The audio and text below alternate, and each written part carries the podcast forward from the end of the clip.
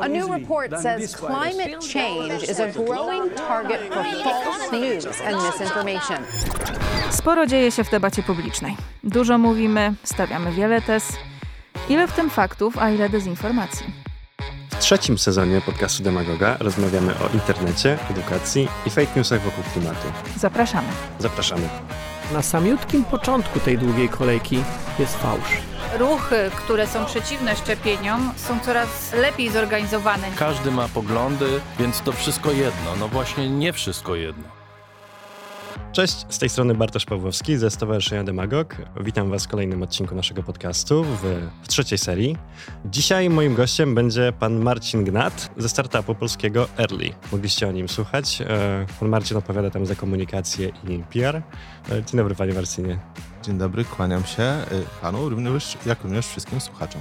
No i zaczynając, e, może takie mini wprowadzenie. Early zajmuje się tym, że produkuje sensory, czujniki powietrza i przy okazji udostępnia platformę, która taką internetową, która te wszystkie dane zbiera i, i pokazuje nam, jaka jakość tego powietrza jest, tak? Dokładnie tak. E, Bardzo często, szczególnie w ostatnim czasie, chcemy, staramy się podkreślać, że to nie są e, jedynie te czujniki, które stały się naszym takim flagowym produktem, który każdy rozpoznaje chociażby po kształcie. Ja może powiem od razu osobom, które nie widziały, to są takie małe e, odbiorniki, co ktoś fajnie porównał do takiego gniazdka dla e, ptaków. Ktoś powiedział z antenką. Takie porównanie mi się kiedyś obrazowe podobało. To jest taki jakby symbol, można powiedzieć, y, który y, jest naszym takim wyróżnikiem, ale szczególnie chciałem podkreślić, że jesteśmy całą platformą do monitoringu jakości powietrza. Mam tu na myśli to, że zainteresowane walką ze smogiem miasta, gminy czy obywatele mogą analizować w szerokim zakresie jakość powietrza, zastanawiając się nad przyczynami, skąd ten smog się pojawił, jak również prognozować e, na kolejny dzień, czym będziemy oddychać. No i również y, generować czy zamawiać u nas nawet wszelakie raporty, które dają możliwość takiego głębszego namysłu, bo oczywiście te, ten smog, y, dowiedzenie się, y, czym oddychamy dzisiaj, to jest dopiero pierwszy krok. Głębsza analiza i zastanowienie się nad przyczynami powstawania smogu w danym miejscu to jest prawdziwe wyzwanie. A, to ja od razu też polecę Twitter Early. Widziałem tam bardzo dużo fajnych, fajnych informacji, właśnie raportów, artykułów, które wchodzą głębiej w ten temat, także można dodać jeszcze tę jakąś tam działalność trochę proedukacyjną. Um, Zdecydowanie. I skacząc już do takiego pytania bardziej konkretnego, mam nadzieję, czy w Polsce naprawdę mamy najgorsze powietrze w Europie? Nie, na pewno nie. Spokojnie mogę wymienić kilka krajów, gdzie powietrze jest gorsze niż w Polsce. Mam tu na myśli chociażby kraje bałkańskie, takie jak Bośnia i Hercegowina czy Serbia, gdzie te wskaźniki sięgają zenitu niemalże codziennie. Jest to spowodowane różnymi czynnikami.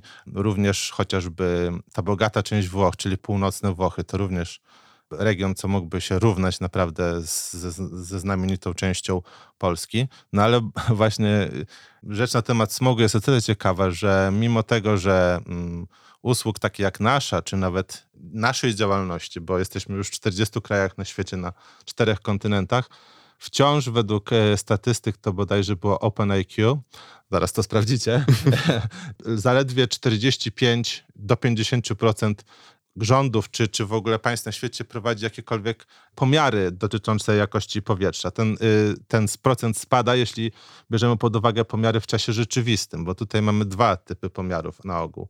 Często te stacje państwowe podają dane, one są bardzo dokładne, y, te dane z, ze stacji referencyjnych, ale często są podawane z opóźnieniem. No w przypadku takich y, czujników ta, na mapie Early i w apce jest to jakość powietrza w czasie rzeczywistym. Możemy sprawdzić, czym w obecnym momencie y, oddychamy. Tak więc y, no, rzeczywiście, jak wejdziemy na naszą mapę, chociażby z racji tego, że rzeczywiście naszych czujników najwięcej mamy w Polsce zdecydowanie, no to wydaje się, że to jest kraj, który szczególnie ucierpiał, jest uciemiężony przez ten smog, no ale cały, cały, cały problem polega na tym, że W, w, bardzo wielu miejscach na świecie nie są prowadzone jeszcze y, pomiary, chociażby tutaj można wspomnieć Afrykę, która jest bardzo rzadko pokryta. Tam w zasadzie nikt jeszcze na dobrą sprawę tak poważnie nie zastanawia się nad tym problemem poza jakimiś ośrodkami. Spójrzmy na Azję, gdzie mamy Chiny, e, gdzie mamy Indię, gdzie ten poziom smogu jest zdecydowanie dużo, dużo wyższy niż w Polsce.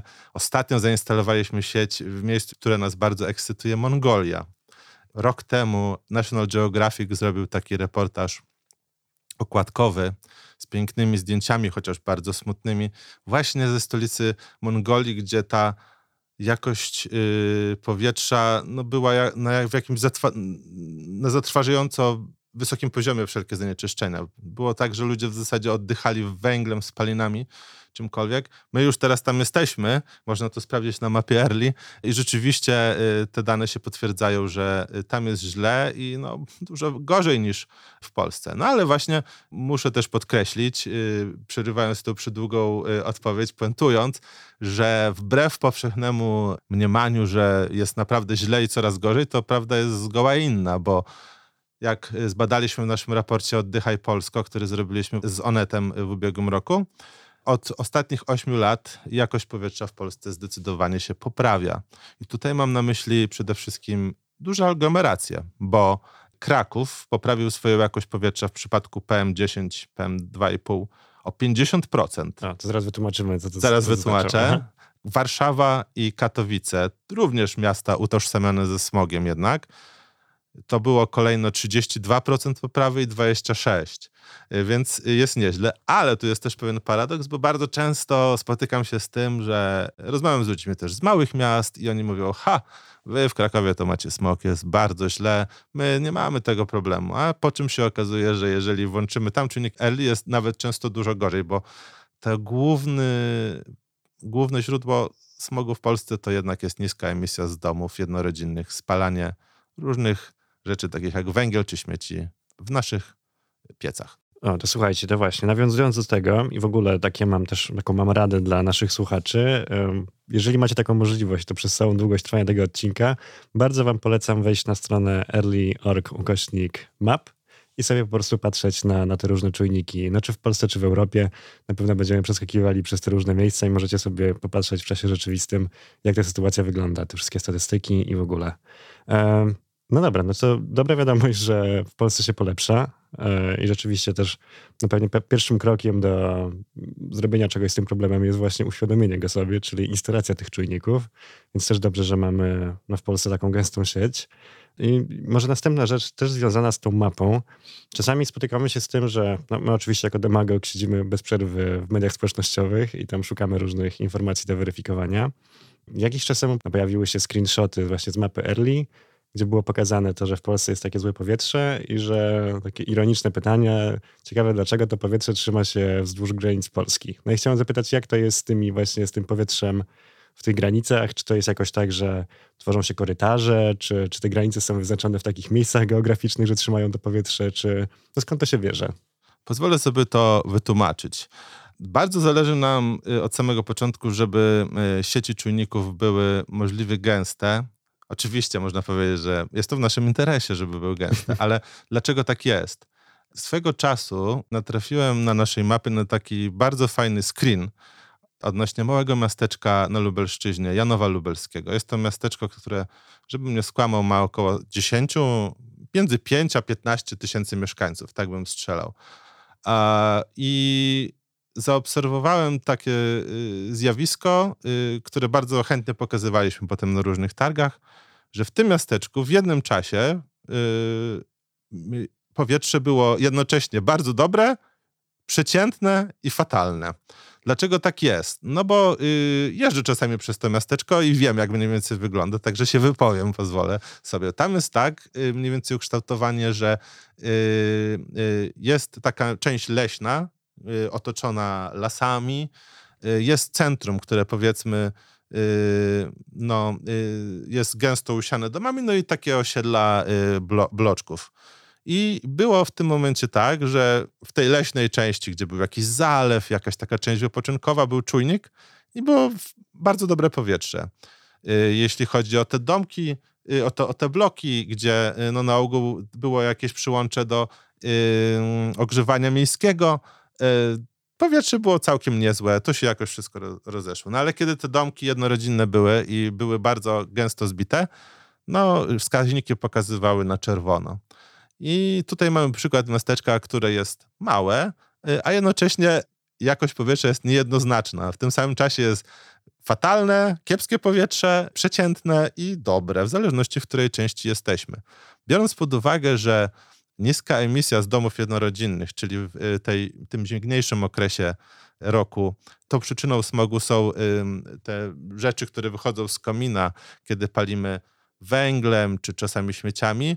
Jest to główne źródło y, smogu w Polsce. W sytuacji, kiedy po tej stronie, załóżmy niemieckiej, nawet jeżeli to jest 4-5 kilometrów różnicy, nie ma tego problemu, bo na przykład taki sam domek przyłączony jest nowy ekologiczny piec, czy na przykład przyłączony jest do ogrzewania jakiegoś gazowego, czy jeszcze jakaś inna forma bardziej ekologicznego spalania jest, to ten problem nie występuje i zupełnie tak jak w tym Janowie, te kilka kilometrów robi różnicę w zanieczyszczeniu powietrza, bo też y, na przykład nie ma zjawiska niskiej emisji. Tu też chciałem podkreślić, że to nie jest tak, bo jest też druga strona medalu, o której dużo ludzi nie wie, nie zdaje sobie sprawy, że tak naprawdę y, zachód Europy ma też bardzo duży problem y, z zanieczyszczeniem powietrza, tylko różni się tutaj y, związek chemiczny.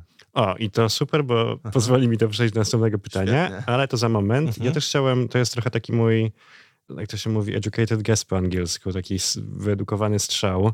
Zastanawiam się, czy na to wpływ może też mieć to, że spora część naszych granic opiera się o rzeki i wydaje mi się, że wzdłuż rzek też się tworzą jakieś korytarze powietrzne, które teoretycznie powinny jakoś tam to no, tworzyć taką blokadę. Ale to, to, muszę poprosić kogoś z naszych słuchaczy, żeby to sprawdził, albo kogoś, kto się na tym zna lepiej, bo no, tak jak mówię, no nie mam pojęcia, to jest tylko taki mój strzał.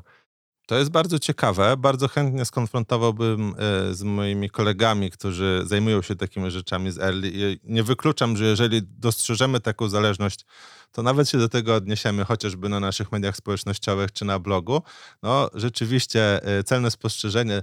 Na ogół ta granica z Niemcami, e, żebym nie skłamał, no, w większości przebiegu jest na Odrze. Mhm więc y, kto wie, może tak być. Ale tutaj się nie pokuszę y, o interpretację, ale obiecuję y, przedyskutować to z moimi ścisłymi kolegami. Super. E, no właśnie, także polecamy sprawdzić i no mówię wam, jeżeli, jeżeli znacie odpowiedzi albo się na tym lepiej znacie, to też polecamy, żebyście w komentarzach coś tam napisali od siebie. E, I to następne pytanie, które, do którego chciałem przejść, to jakie składniki smogu są najważniejsze? Znaczy najważniejsze, czyli na przykład najbardziej szkodliwe. I być może możemy tutaj już powiedzieć, co to jest to PM, PM1, PM10, PM2,5 to może tak w skrócie i nie wchodząc za bardzo w szczegóły, bo też chciałbym, żeby ktoś z tego coś wyniósł. Mhm. Mówiąc tak bardzo obrazowo, y, ta, y, ta, to, co jest w powietrzu i tak bardzo nas zatruwa, y, są to cząsteczki stałe różnej wielkości. PM1, PM2,5, PM10. Są to te, te, te liczby, które są przy PM-ie, odpowiadają za wielkość tych drobinek. E, co więcej, e, im mniejsze te drobinki na ogół są jeszcze bardziej szkodliwe i wnikają w naszą krew, wnika, przenikają no, do naszych płuc, czyniąc tam spustoszenie. To spustoszenie jest na wielu poziomach. Na przykład jest rakotwórczy benzoapiren, o którym często się mówi. Ale sam fakt, że wprowadza, że one wchodzą do naszego krwiobiegu długofalowo, jak pokazują liczne badania, uszkadza nasze, nasz układ sercowo-naczyniowy. E, również, co jest bardzo ciekawe i może takie zaskakujące, e, jest przyczyną powstawania cukrzycy typu e, drugiego, gdyż badania prestiżowego periodyku Lancet medycznego wykazały, były takie badania w Stanach Zjednoczonych na bardzo dużej grupie ludzi. Badania trwały 8 lat wykazały one, że te, te drobinki, które wchodzą w krew, są przyczyną zaburzeń w e, tworzeniu się insuliny. Jeżeli ta insulina w naszej krwi naturalnie nie jest wytwarzana, no to automatycznie rodzi to ryzyko cukrzycy.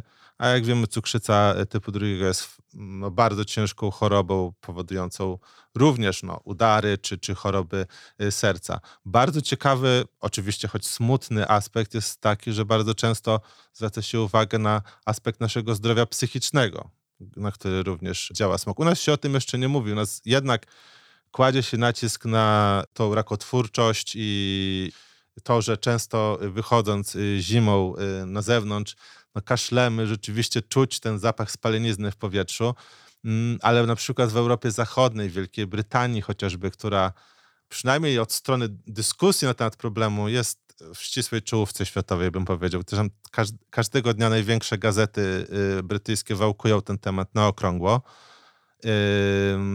Mówi się bardzo dużo o y, wpływie na właśnie zdrowie y, psychiczne, zarówno w przypadku osób dorosłych, to jest niestety zwiększone ryzyko na przykład depresji czy jakichś stanów lękowych, jak również u dzieci. Zbadano to, tu nie pokuszę się o cytat, bo mówię też z pamięci, ale zbadano wpływ e, smogu czy zanieczyszczenia powietrza chociażby cząsteczkami stałymi czy NO2 na rozwój y, dzieci umysłowy i potwierdziło się to, że im większe stężenia smogu, tym gorzej te dzieci sobie radzą. A kolejny takim składnikiem tego problemu jest to, że jak zbadaliśmy ostatnio, i to będzie takie y, badanie, które niebawem opublikujemy i myślę, że jest bardzo ciekawe i błyskotliwe, chociaż podobno ta teoria jest już znana od lat, że na ogół, przepraszam za tą dygresję, ale mhm, Też wydaje mi się, że to dość jest ciekawe, że na ogół duże miasta europejskie,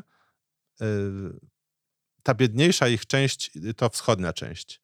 Dlaczego jest tak, że to jest powodowane tym, że od tej strony na ogół y, wiatr był i budowano wszystkie fabryki. A w przypadku tych fabryk również y, osiedlała się tam klasa robotnicza, troszkę często biedniejsi ludzie. I smutniejszym aspektem jest to, że właśnie dzieci z tych biedniejszych części miast nie dość, że mm, są mniej uprzywilejowane dostępem do wysokiej jakości edukacji na przykład, to dodatkowo ten smog jeszcze od strony rozwoju psychofizycznego im tę sprawę utrudnia, gdyż jest korelacja pomiędzy e, jakością powietrza, w której się wychowujemy, a naszym rozwojem umysłowym, no i oczywiście rozwojem fizycznym też. A to też jest coś, co, co z wielką chęcią się temu przyjrzymy trochę, trochę, trochę bliżej. E, ja też mam taki bardzo, bardzo fajną stawkę. E, mam tak, mamy takie szczęście, że niedaleko od miejsca, w którym nagrywamy, znajduje się właśnie jeden z czujników Early. Mogę wam podać teraz statystyki, które są w tym momencie. To jest tych cząsteczek PM10, czyli największych 36 mikrogramów na metr sześcienny, PM2,5, czyli mniejszych niż 2,5 mikrometra. To jest 28 mikrogramów na metr sześcienny, PM1 jest 18 do tego 58 dwutlenku azotu i bardzo mało, bo tylko jeden ozonu. Mhm. Także na tej skali, ta skala jest bardzo intuicyjna, bo jest od takiego czerwono-fioletowego, które oznacza bardzo źle, mhm. do zielonego, czyli dobrze. Jesteśmy w takim żółtym, więc powiedzmy nie ma masakry, aczkolwiek mogłoby być lepiej. No wszystko się zgadza w zasadzie, bo y, z tego co pamiętam, wymienił pan tutaj, że NO2 jest na wysokim poziomie. Mamy tutaj obok nas Y, ruchliwą aleję, więc to jest rzeczywiście taki polutant, który jest wynikiem dużego ruchu samochodowego. Więc to by się zgadzało, przypuszczam, obstawiam, nie wiem tego, ale mhm. że być może gdzieś nawet od ulicy jest ten czujnik. Tak, to jest, to jest też bardzo możliwe. Mhm. Ja mam też taką, coś takiego, co z własnego doświadczenia, to już musiało być kilka lat temu, ale rzeczywiście e, to już był moment, w którym pojawiało się więcej informacji o smogu w mediach i to był temat troszeczkę wychodzący na powierzchnię. Pamiętam, że jedno takie miejsce w Warszawie, w którym ewidentnie czułem ten taki bardzo wyraźny zapach, e, ciężko powiedzieć, złego powietrza, to było skrzyżowanie Tamki i Świętokrzyskiej. Mhm. I wtedy jakoś zastanawiałem się, czy ma na to wpływ to, że no jest to właściwie sama skarpa warszawska, więc wydaje się, że mhm. to powietrze zanieczyszczone zbiera się na tych, w tych niższych terenach i po prostu to jako to miejsce na skarpie sprawia, że no bezpośrednio wtedy wchodzi na tę płaską powierzchnię. A to też coś do sprawdzenia. Jeżeli wy też znacie jakieś miejsca, w których jest rzeczywiście źle, to, to, to też możecie nam dać znać. Mam też taką mini anegdotkę. E, jeszcze też sprzed kilku lat jeden z moich byłych szefów pochodzi z takiego małego miasteczka polskiego, bardzo przemysłowego I on mi kiedyś powiedział, że dopiero kiedy przeprowadził się do Warszawy na studia, to zorientował się, że, że ten zapach smogu to nie jest zapach zimy. Bo Mhm. jemu no dorastając, wydawało się, że po prostu to jest normalny zapach zimy, że to powietrze jest takie, nie wiem, siarczyste, ciężkie. No i powiedział, że to dla niego też było dosyć duże, duże odkrycie. Tak, jeśli mogę do tego nawiązać, to rzeczywiście bardzo często ten zapach takiego popiołu y, czy węgla, który unosi się w polskich wsiach, w polskich małych miasteczkach, jest po prostu utożsamiany jako zapach towarzyszący zimie czy chłodniejszej części roku, ale okazuje się, że tak nie jest, że to jest po prostu efekt tego, czym palimy i, i w jaki sposób palimy. No tutaj na przykład nawiązując do tematu Krakowa, bardzo wiele z historii słyszałem o tym, że jeszcze kiedy tak y, te pomiary nie były rozpowszechnione, zarówno Early czy innych dostawców tego typu rozwiązań po prostu się na tą skalę nie mierzyło. Y, Bardzo często, kiedy zaczęto mówić o problemie smogu w Krakowie przed laty, mm, dużo ludzi podjęło decyzję, że przeprowadzi się do mniejszych miasteczek właśnie pod Krakowem, takich jak Zabierzów, Skała, Wieliczka, y, ufając, że jest to doskonały, doskonała decyzja, y, która pozwoli im mieszkać blisko pięknego Krakowa, a jednocześnie cieszyć się świeżym powietrzem. Kiedy te pomiary trafiły do tych miasteczek, okazało się, że jest zgoła inaczej i bardzo często w tych oto miasteczkach powietrze jest y, dużo, dużo gorsze niż e, w Krakowie z racji tej takiej gęstej zabudowy, no i faktu, że palimy często y, tym, czym palimy w piecach. Tutaj oczywiście różne czynniki na to wpływają, bo jest na pewno to, że bardzo często jest takie, spotykam się z takim y, ludowym, powiedzmy, wytłumaczeniem tego problemu, że zawsze ludzie tak palili, zawsze ludzie tak żyli i wszystko było w porządku, więc dlaczego to zmieniać? To jest taka jakby pierwsza rzecz, to przyzwyczajenia takie, można powiedzieć, e, kulturowe, z dziada, pradziada, że w taki sposób było i nie ma sensu czegoś zmieniać. Nie ukrywajmy też, że bardzo dużym problemem i niestety chyba problemem, który się zaognia w jakimś sensie jest to, że mm, chociaż różne programy wspierające wymianę starych pieców rzeczywiście się pojawiają, no często one idą trochę wolno, a jednocześnie patrząc na y, ceny gazu czy ceny surowców w Polsce, coraz mniej ludzi niestety będzie sobie w stanie pozwolić na y, ekologiczne formy y, ogrzewania swoich domów z racji po prostu braku pieniędzy. Także rzeczywiście tak jest. No niestety smog jest też problemem małych miast i miasteczek w Polsce. Czy da się powiedzieć albo w jakiś sposób zmierzyć wpływ tego smogu, po prostu smogu na zdrowie? To znaczy, czy są jakieś takie uśrednione może statystyki, które mówią, że nie wiem, skraca to życie o kilka lat albo, albo coś takiego? Jest bardzo dużo statystyk, które mierzył to pod różnym kątem. Taką statystyką, która może daje do myślenia, e, jeśli chodzi o samą Polskę, jest to, ile ludzi umiera wskutek smogu rocznie. Do niedawna bardzo często cytowana była y, wyniki badań, gdzie wskazywano, że smog przyczynia się do 45 tysięcy zgonów rocznie w Polsce. Najnowsze badania wskazują, że tych zgonów może być nawet dwa razy tyle, około 90-100 tysięcy zgonów w Polsce. Oczywiście tutaj bardzo wiele aspektów y, można wskazać. Ciekawym aspektem, na przykład, który ostatnio y, rzucił mi się w oczy, jest takie badania przez profesora UJ Marcina Szweda, doktora Marcina Szweda, który bada właśnie wpływ smogu na psychikę dzieci i dorosłych. Odsyłam do tych badań, ale to na przykład jest też y, taki aspekt, który wskazuje na to, y, w jaki sposób to mierzymy. A, a tak naprawdę spojrzeń na to jest bardzo dużo. W Wielkiej Brytanii bardzo często na, y, chociaż ten smog, który znamy chociażby z serialu Crown w latach 50., prawda, czyli ten wielki londyński smog, oni tam sobie rzeczywiście z tym poradzili, bo wprowadzili dość restrykcyjne prawo, jeżeli chodzi o to, co wychodzi z kominów. Natomiast ten smog komunikacyjny spędza sen z powiek Brytyjczykom, czy na przykład Londyńczykom y, przede wszystkim.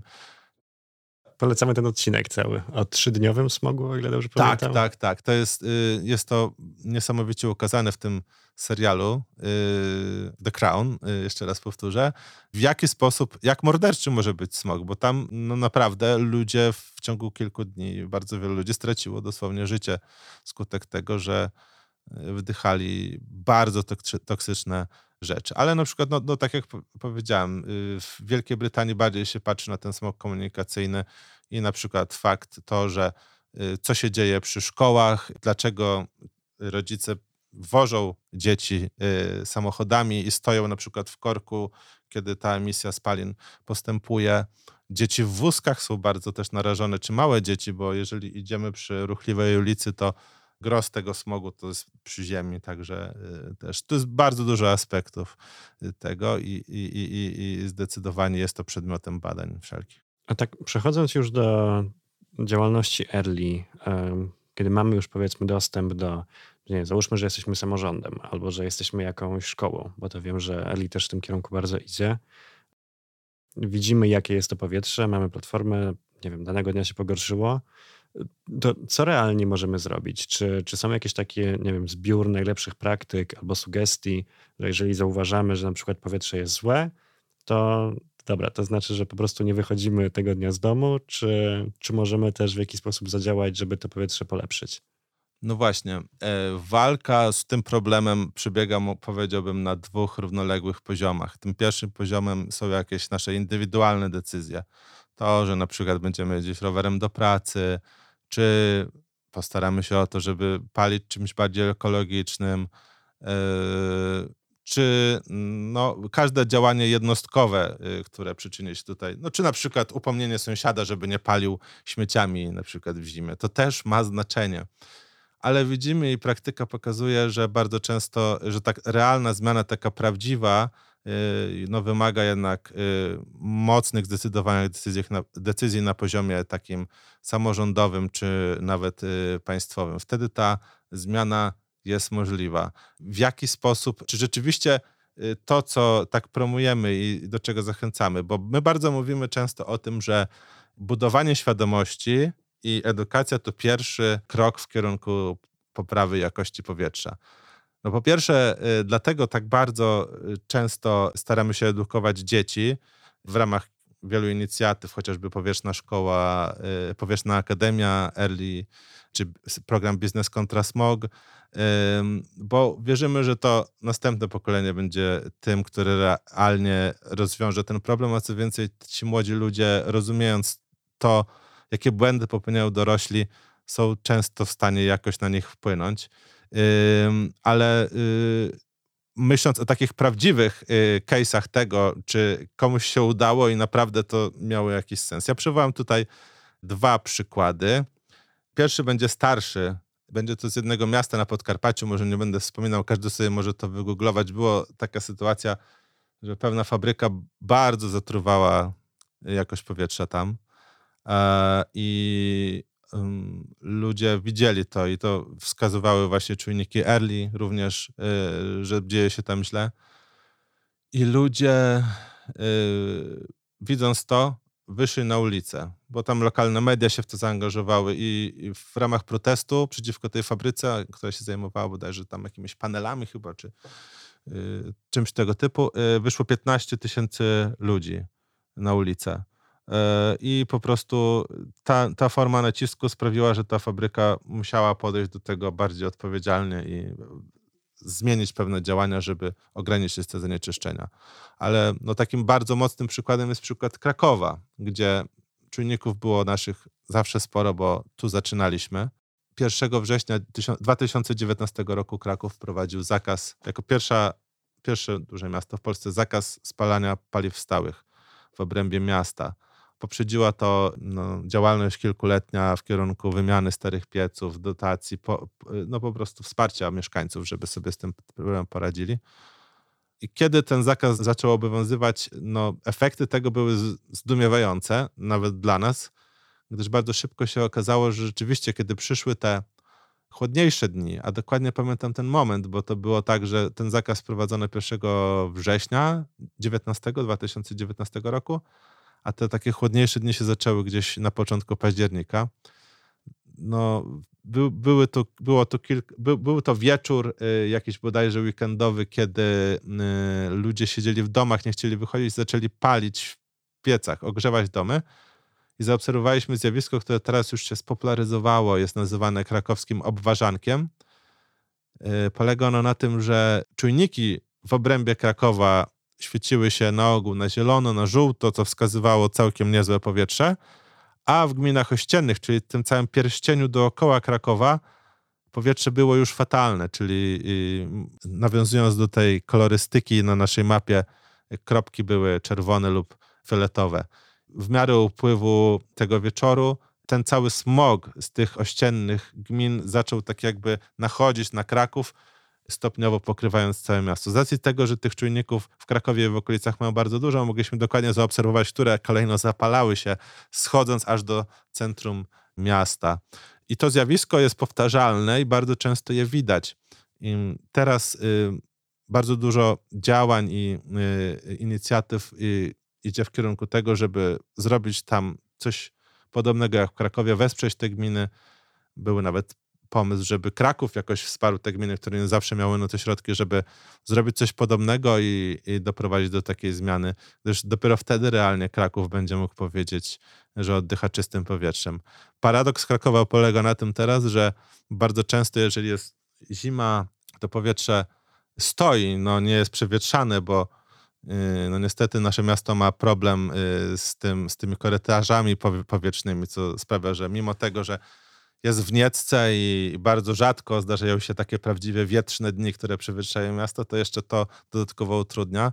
To czasami bardzo często widać na naszej mapie, że paradoksalnie, żeby najlepszym powietrzem pooddychać w Krakowie, to trzeba iść do centrum, do tego starego centrum, gdzie na przykład y, w obrębie plant bardzo często nasze czujniki są y, zielone i możemy tam cieszyć się y, czystym powietrzem. Jest to wynikiem tego, że jest zakaz spalania paliw stałych, ten ruch komunikacyjny nie jest duży, gdyż również został trochę ograniczony i wręcz są y, kroki, żeby coraz bardziej go ograniczać. I jest to w pewnym sensie paradoks, bo wydawałoby się, że to centrum na ogół jest takie najbardziej zanieczyszczone. Przynajmniej tak wydaje mi się, że w potocznym rozumieniu tego. No to znowu polecamy uważne patrzenie na mapy, bo okazuje się, że nie wszystko jest takie oczywiste, jak mogłoby nam się wydawać. Um, no dobra, a jak wygląda odzew czy instytucji państwowych, może unijnych, albo środowiska biznesowego na startup, który, który, którego trzon działalności skupia się na tym, żeby poprawić jakość życia ludzi, tak? To znaczy wydaje się, że to jest dosyć unikatowa forma prowadzenia biznesu. To znaczy, to naprawdę wszystko jest skupione wokół tego, żeby po prostu wszystkim żyło się lepiej. Czy ten odzew jest pozytywny, czy jest negatywny, czy jest duże wsparcie, czy to jest tak, że te instytucje w mediach często mówią, że będą coś z tym robiły, a później temat ignorują. Jak to w ogóle wygląda w tym środowisku biznesowym? No, rozdzielając odpowiedzi na, na dwie sfery, mhm. czyli tą samorządowo-rządową, a tą korporacyjno-firmową, to mniej więcej sytuacja wygląda tak, że od strony takiej jakby y, instytucjonalno-samorządowo-rządowej jak najbardziej przychylne. Bardzo dużo wsparcia zyskaliśmy, chociaż by biorąc udział w różnych programach, wsparcia dla przedsiębiorstw, wyjazdów na targi również. No tutaj bez wątpienia nie ma się do czego przyczepić. Takie wsparcie jest również ze strony rządowej. No, dostaliśmy na przykład nagrodę prezydenta RP yy, za startup, czyli tutaj to też mi się wydaje, że jest to jakimś papierkiem lakmusowym, że nie jesteśmy jakby zagrożeniem, tylko raczej jest, jesteśmy czymś, z czego Polska jest jakoś tam, myślę, dumna. Jeżeli chodzi o samorządy, no właśnie tutaj nastąpiła taka ewolucja. Na początku wiadomo, że y, bardzo wiele gmin inaczej rozumiało ten problem, bo najłatwiej było po prostu zamieść wszystko pod dywan, nie udostępniać e, żadnych pomiarów i po prostu nie ma problemu. Stłóż termometr i nie masz gorączki, jak mówił kiedyś e, jeden słynny polityk bodajże. ale ta y, postawa się zmienia. Pierwszą gminą w Polsce, która zdecydowała się na współpracę z nami, jest gmina Zielonki pod Krakowem. Czyli można powiedzieć, że to byli tacy rebelianci, którzy zdecydowali się na takie coś. I to poszło trochę tak jak y, domino, bo y, jeżeli ludzie zaobserwowali, że ta gmina robi coś takiego, idą za nią kolejne ościenne, to w dobrym tonie wobec swoich obywateli było to, żeby również coś takiego przeprowadzić. To jest zdecydowanie y, taka ewolucja, która się dokonała, bo współpracujemy z bardzo wieloma miastami. Tutaj można wspomnieć też o Warszawie, która y, pod koniec ubiegłego roku podpisaliśmy umowę na miejski system monitoringu jakości powietrza. Y, około 170 czujników zasili niebawem zarówno stolicy, jak i wszystkie ościenne gminy. Także takie zdecydowane kroki tutaj są. Y, no, w tym samym czasie mniej więcej również umowa z Gdańskiem. Można by tu długo y, wymieniać. Również Łódź y, dużo robi w tym. To takie pierwsze miasta, które przychodzą mi na myśl, jest ich oczywiście więcej. Także zdecydowanie myśli się tutaj o problemie. Niestety obserwujemy też przeciwstawne zjawisko mm, miasta, o których może nie wspomnę, y, może się nawiąże jedynie do regionu, można to sobie samemu sprawdzić. Dochodzą do przeciwstawnego wniosku, że mając już monitoring jakości powietrza, może warto go wycofać, żeby po prostu udawać, że problemu nie ma, lub decydując się na przykład na jakieś inne pomiary, które niekoniecznie są jakoś tam y, przez szerokie masy używane. Takich sytuacji było kilka w tym y, sezonie smogowym, ale tu jest też ciekawe, myślę, że nawet nie wspominając tych miast, były to y, no, takie miasta z regionów no, narażonych na smog. Tu mówię o Górnym Śląsku i Małopolsce. Bardzo fajna reakcja była na ogół lokalnej społeczności, bo się okazuje, że już takie przyzwyczajenie do tych pomiarów jest na tyle duże i ta świadomość jednak się zakorzeniła, że w sytuacji, kiedy duże miasto na Śląsku, załóżmy, mówi, wycofujemy te czujniki, nie, nie przedłużamy umowy, zwracają się do nas lokalni przedsiębiorcy, lokalni aktywiści, czy jakieś na przykład lokalne media, które mówią, kurczę, my kupimy sensor, postawimy w naszej redakcji, jakiś lokalny biznesmen mówi, ja też chcę y, sensor. I to jest tak jakby bardzo fajna y, informacja zwrotna, że y, nawet jeżeli z jakichś powodów oczywiście nikt nie ma obowiązku współpracy też z nami. Wiadomo, to jest jakaś tam decyzja, którą szanujemy. Y, bardzo fajne jest to, że jednak y, obywatele y, sami zwracają się do nas. Ale właśnie wracając do tej kolejnej, drugiej części pytania, jak to jest z firmami? Druga strona monety. Tak, no rzeczywiście mamy przyjemność pracy z wieloma znanymi markami, zarówno globalnymi, jak i, i krajowymi z racji tego, że y, no, jakość powietrza jest czymś, co bardzo fajnie wpisuje się w cele CSR-owe, czyli tej, tego społecznie odpowiedzialnego biznesu, czy ESG yy, przedsiębiorstw. Yy, no po prostu szukając jakiejś formy działalności na szeroką skalę, która przyczyniłaby się dla dobra wspólnego, marki decydują się na współpracę z nami. Nie wiem, czy tutaj możemy wymieniać marki, czy nie, ale może nawet nie muszę. Po prostu można to sobie sprawdzić, wchodząc na naszą stronę, w jakie sposoby, y, w jaki sposób współpracujemy, ale y, rzeczywiście y, jest to, mówiąc, może to brzydko zabrzmi, ale w pewnym sensie jesteśmy też dobrym produktem dla tych wszystkich firm, że dobrym pomysłem na to, żeby oprócz takiej flagowej działalności, zajmowania się na przykład, nie wiem, yy, ubezpieczeniami czy budową jakichś osiedli, yy, zrobić coś dobrego też dla tych swoich klientów i w ten sposób pokazać się jako fajna, odpowiedzialna firma, która jest z nami, funkcjonuje w naszym środowisku nie tylko dlatego, żeby czerpać zyski, ale również jakoś y, dbać o dobro wspólne, którym jest przecież zdrowie obywateli, no i też pracowników, jakby nie patrzeć, często takich firm. Panie Marcinie, a zmierzając już powoli do końca, czy ma Pan e, może dla nas jakiś taki zestaw wskazówek, co robić, żeby, żeby ten smog ograniczać, takich najprostszych rzeczy? No wiadomo, że są takie oczywiste, jak pojechać do pracy na rowerze albo, no, albo jednak, no nie wiem, przykręcić trochę ogrzewanie, coś takiego. Czy są takie rzeczy może mniej oczywiste, ale takie, które możemy zmienić w tym życiu codziennym, które zdecydowanie pomogą? E no oczywiście mógłbym tutaj wymienić ten cały zestaw y, tych takich y, porad w stylu jazda na rowerze, posadzić y, rośliny, czy, czy wymiana pieca. To oczywiście mógłbym zrobić i zdecydowanie jest to forma też walki ze smogiem na poziomie jednostkowym, ale ja bym zwrócił uwagę na inny aspekt. Po prostu powiedziałbym, interesujcie się smogiem i jakością powietrza nie tylko wtedy, kiedy jest tych kilka fatalnych dni w roku. Bo problemem chyba takim, y, który nas dotyczy, jest to, że bardzo często ten y, problem smogu traktujemy tak reakcyjnie. Po prostu jest kilka tych dni w roku, czy kilkanaście, gdzie jest bardzo źle, i nagle wszyscy budzą się z ręką w nocniku, że jest bardzo złe powietrze i wszyscy psioczą na to, narzekają. Na Twitterze są setki komentarzy, tych mapek. Wszystkich bardzo boli smog, ale pojawi się trochę lepsza pogoda, yy, stanie się, robi się trochę cieplej i problem jest yy, w zasadzie wyparty ze świadomości, poza jakąś garstką yy, aktywistów i takich naprawdę zakręconych na tym punkcie osób tym problemem czy dajmy na to jak, na przykład biegaczy, którzy, y, czy, czy, czy, czy ludzi, którzy mają małe dzieci, których trochę bardziej są może wyczuleni, nie wiem, na ten problem.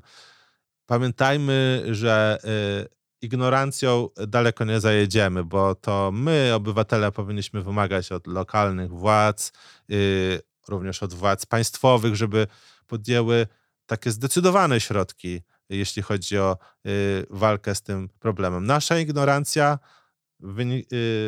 przyczynia się do tego, że problem jest spychany na plan dalszy i przez powiedzmy 10 miesięcy w roku nic się o tym nie mówi, czy bardzo mało się mówi. Dopiero kiedy przyjdzie grudzień, listopad czy styczeń, nagle wszyscy mają idealne rozwiązania, idealny pomysł, jak sobie z tym radzić.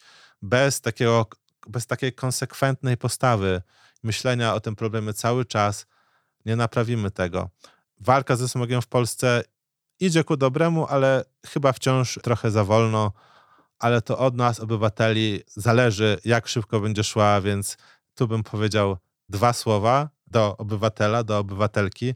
Interesuj się, interesuj się smogiem w Polsce nie tylko wtedy, kiedy wychodząc z domu czujesz e, zapach popiołu. Słuchajcie, my się oczywiście przyłączamy do apelu, interesujmy się tym, co się dzieje wokół nas, naszym życiem i działajmy to, w takim kierunku, żeby je poprawiać. Jeszcze raz mój gość, Marcin Gnat, Senior Communications and Public Relations Manager w Early. Dziękuję panu bardzo. Również bardzo dziękuję i serdecznie pozdrawiam wszystkich słuchaczy. Bardzo, bardzo zachęcamy do odwiedzania strony early.org i ja szczególnie tej mapy, czyli early.org ukośnik map. Oczywiście też konto na Twitterze, które wspomniałem wcześniej. Dziękuję bardzo za, za to, że byliście z nami przy tym odcinku. Jeżeli interesują Was fact-checki na temat smogu jakości powietrza w Polsce, to zapraszam też oczywiście na demagog.org.pl i do usłyszenia w następnym odcinku. Dziękuję uprzejmie, kłaniam się nisko. Dziękuję bardzo.